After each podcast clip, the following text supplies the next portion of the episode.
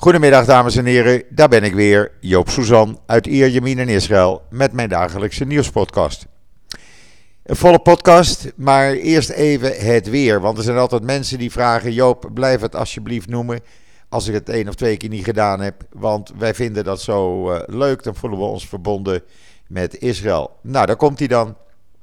33 graden, blauwe lucht, een uh, lekker briesje uit het westen, uit zee, ideaal strandweer. Hopelijk uh, kunnen jullie na 1 augustus uh, Israël bezoeken en er ook van genieten. En dan het nieuws. Dat wordt overheerst door twee zaken in Israël. Dat is ten eerste natuurlijk uh, de stijging van de nieuwe besmettingen in de afgelopen 24 uur. En het niet halen van een meerderheid voor de burgerschapswet in de Knesset afgelopen nacht. Eh, in de afgelopen 24 uur tot vanmorgen half negen zijn er 501 nieuwe besmettingen bijgekomen. Uh, er waren 72.896 mensen getest. Positiviteitspercentage staat op 0,7 procent. Uh, zondag waren het er nog 343, dus het is een fikse stijging naar 501. Er zijn nu 2901 actieve patiënten in het land. Uh, dat zijn er uh, meer dan zondag, want toen waren het er 2597. Uh, er liggen 73 mensen in het ziekenhuis. Dat zijn er vijf meer dan zondag. 33, en dat zijn er weer twee minder dan zondag, in ernstige toestand. 17 kritiek en 16 van hen aan de beademingsapparatuur dodental is opnieuw niet gestegen en blijft gelukkig staan op 6.429. Er zitten thuis 50.000 mensen ruim in uh, quarantaine. De meeste hebben dan lichte coronaklachten. En 50% van de nieuwe besmettingen zijn jongeren, voornamelijk scholieren, studenten. Uh, en uh, het ministerie van Gezondheid zei er ook bij dat de Delta-variant verantwoordelijk is voor 90% van alle nieuwe COVID-gevallen in de afgelopen twee weken. En dan uh, werd daar nog aan toegevoegd dat 55% eh, van de nieuwe infecties in de afgelopen twee weken werd gevonden onder volledig gevaccineerde mensen. Uh, de effectiviteit van de Delta-variant, ik had het gisteren ook al gezegd, maar dat blijkt niet helemaal duidelijk overgekomen te zijn. Uh, die is iets afgenomen. Tussen 2 mei en 5 juni was dat nog 98,2% uh, bescherming tegen uh, ernstige klachten. En dat is nu vanaf 6 juni tot 3 juli gedaald tot 93%. dus het voorkomt in, tot 93% ben je beschermd, laat ik het zo zeggen. Ben je beschermd tegen het krijgen van een ernstige vorm van uh, het coronavirus.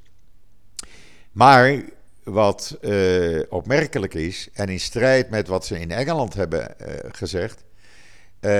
in Israël blijkt uit onderzoek dat de effectiviteit van het vaccineren in het voorkomen van het besmet raken met de Delta-variant is afgenomen tot 64%. Dus hij is ja, hij beschermt iets. Je bent wel beschermd, maar minder als dat men gedacht had. En vandaar dat dus ook gevaccineerden dus een kans lopen op een lichte vorm van corona. Uh, dat is voor uh, premier Bennett de reden geweest om twee medische onderzoeken op te laten starten. om te kijken hoe in de nabije toekomst gevaccineerd kan worden en wat de beste manier is. Eh, er zijn ook tegenstrijdige meningen van experts en ziekenhuisdirecteuren. Sommigen zeggen je moet mensen nu een derde vaccinatie geven, vooral mensen die uh, uh, ziektes, onderliggende ziektes hebben. Anderen zeggen geef dat boostershot maar niet. Wacht, laten we ook maar wachten op het advies eerst van bijvoorbeeld Pfizer, die daar onderzoek naar doet. Later vandaag, eh, in de loop van de middag, begin van de avond, dan komt het zogenaamde coronakabinet weer bij elkaar. En er wordt algemeen aangenomen dat het groene paspoort weer zal worden ingevoerd. Waarbij niet-gevaccineerden niet zomaar naar restaurants of evenementen kunnen komen. en mogelijk worden er ook beperkingen gelegd aan het aantal personen bij evenementen, sportwedstrijden, bruiloften, etc. er wordt van alles en nog wat in de Hebreeuwse pers geroepen en gezegd, maar het is pas zeker als het coronakabinet daarmee komt. En dan, ja, hoort u dat van mij natuurlijk. Ondertussen, u weet, de Palestijnen wilden die overtollige voorraden van Israël niet hebben. Israël heeft zo'n 900.000 uh, vaccins. Die kunnen worden gebruikt tot eind juli. Uh, maar in overleg met Pfizer is, is, er nu een deal gesloten met Zuid-Korea. Die krijgt nu 700.000 vaccins. Ja, hadden de Palestijnen maar ja moeten zeggen. Die gaan ze ook meteen gebruiken. En Israël krijgt dan in september, oktober eh, 700.000 nieuwe vaccins van Pfizer via Zuid-Korea. Dat is een goede deal. Dan hoeft dat niet weggegooid te worden. Uh, en dan uh, ja, uh, kunnen in Zuid-Korea daar mensen mee geholpen worden. En dan vannacht in de Knesset de burgerschapswet of de wet op het burgerschap, die elk jaar werd verlengd, die eh, op instigatie van toenmalig premier Netanyahu er gekomen is. De rechtse partijen, waar de Likud en zijn ultra-orthodoxe partners en extreemrechtse partners, die dus nu in de oppositie zitten, die hebben zelf deze wet ingesteld. Die wet die diende om te zorgen dat uh, gezinshereniging uh, tussen uh, zeg maar Israëli's en Palestijnen die met elkaar getrouwd zijn, man of vrouw, vrouw of man. Ja, om te voorkomen dat er daardoor ook terroristen in Israël kwamen, is die wet in 2003 uitgevaardigd. Dat kwam toen na de Tweede Intifada. en sinds die tijd is die elk jaar automatisch verlengd. Uh, wat heeft Netanyahu nu bepaald als oppositieleider? Ja, we willen die wet wel, maar die wet is minder belangrijk als het laten vallen van de huidige regering Bennett. Ik wil weer aan de macht komen, dus wij gaan Hamas als oppositie tegenstemmen. Uh, hij, hij, hij liet dus duidelijk blijken dat het landsbelang minder belangrijk is als zijn eigen belang. Nou, nou was er iemand van uh, Yamina, die was al een rebel, want uh, ja, die, die, die, die was het al niet eens met uh, het oprichten van deze regering. Maar goed, hij is in die partij blijven zitten en hij heeft ook tegengestemd. Betekent dat de stemming eindigde in 59 voor 59 tegen. Nou, die wet is dus nu van tafel. Uh, wat krijg je dan? Dan krijg je dus dat individuele gevallen gewoon nu het ministerie van Binnenlandse Zaken kunnen uh, verzoeken om uh, toestemming voor verblijfsvergunningen van echtgenoten, vrouw of man, Palestijnse echtgenoten. En die moeten dus afzonderlijk behandeld worden. Nou, het betekent dus veel meer werk. En uiteindelijk kan je dan ook nog naar het Hoge Rechtshof gaan. Ja, over het algemeen is de opinie hier in Israël, ach, uh, als mensen verliefd zijn, met elkaar getrouwd zijn, kinderen hebben en als iemand clean is, geen terroristische achtergrond heeft en ook geen plannen heeft daarvoor om terreur uit te gaan voeren, nou, waarom dan niet?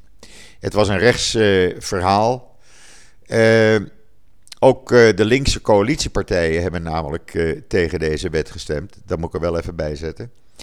Ik heb op israelnieuws.nl uitgebreid een verhaal neergezet. Wat in verschillende, ja, het zijn gedeeltes uit verschillende Hebreeuwse publicaties vandaag. Gewoon om u even duidelijk te maken hoe dat in elkaar zit, als u erin geïnteresseerd bent. Op israelnieuws.nl kunt u het helemaal lezen. Maar het is natuurlijk niet goed als je als politieke partij je partijbelangen voor laat gaan voor het landsbelang. Het toont even aan eh, dat Netanyahu en zijn eh, eh, achterban het nog steeds niet eh, verwerkt hebben en nog steeds niet kunnen hebben dat ze geen macht meer hebben.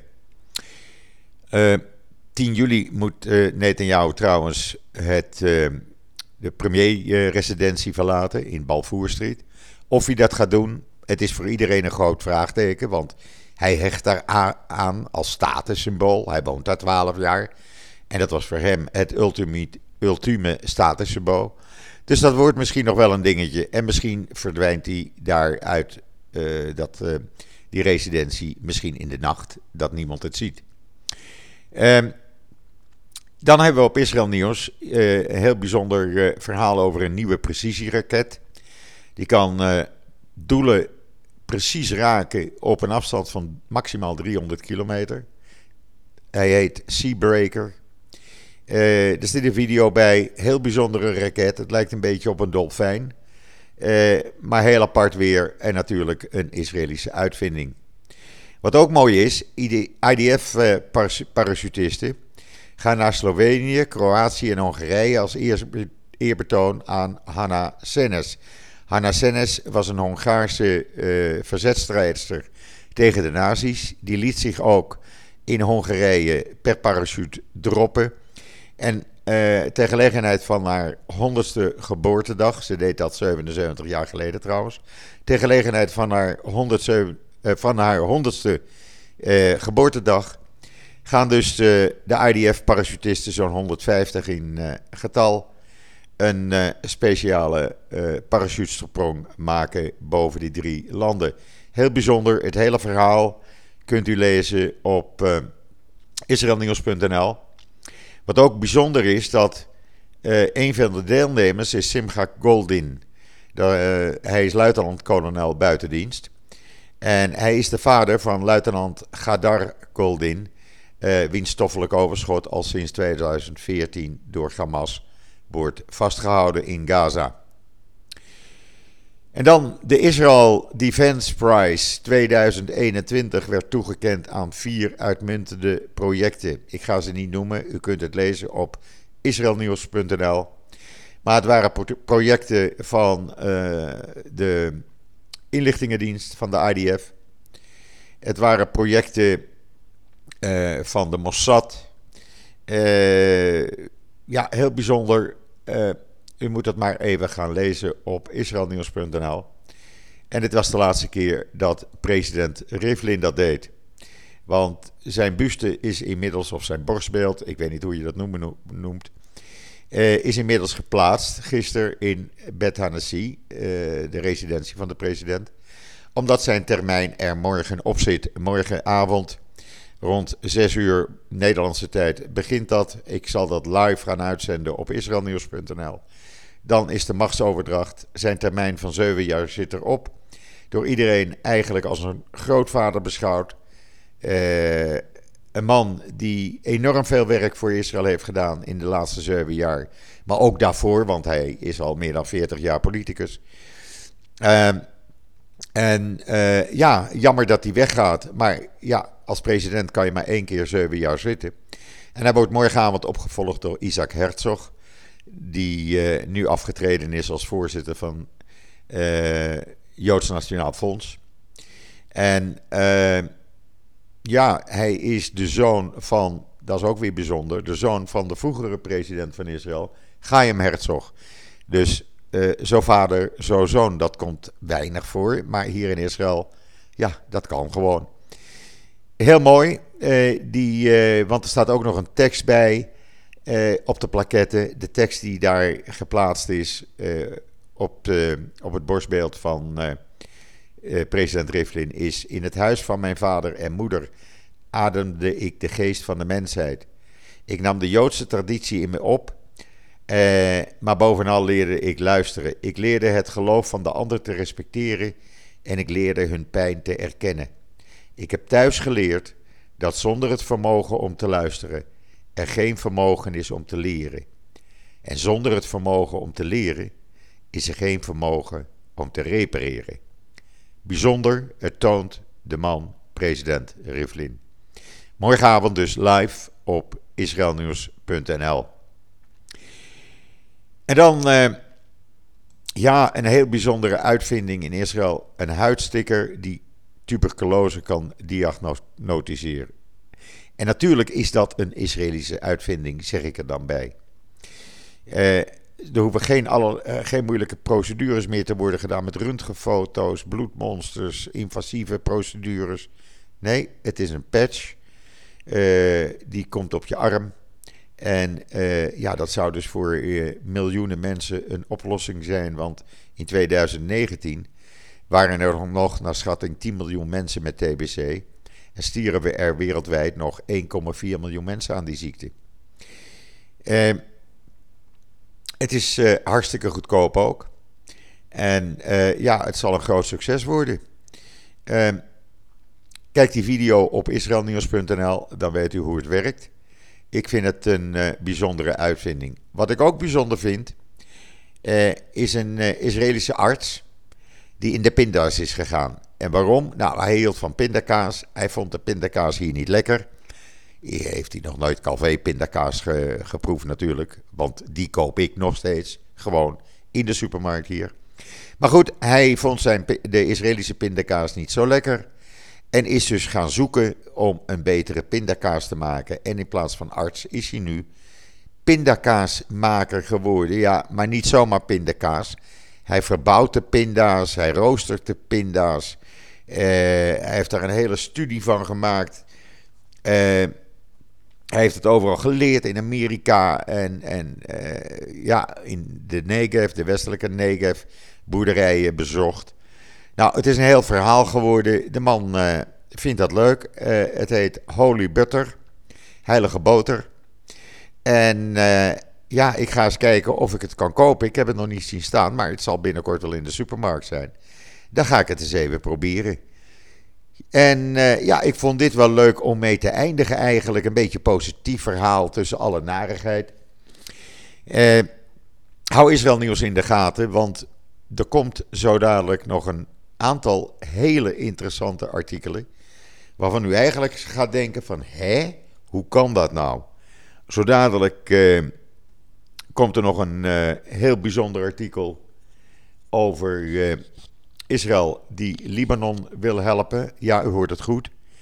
En er komt ook nog een artikel over een Israëlisch-Palestijnse commissie die opgericht wordt, of opgericht is, om de economie van uh, de Palestijnen te gaan verbeteren en uh, nog meer Palestijnse werkers in Israël te laten werken.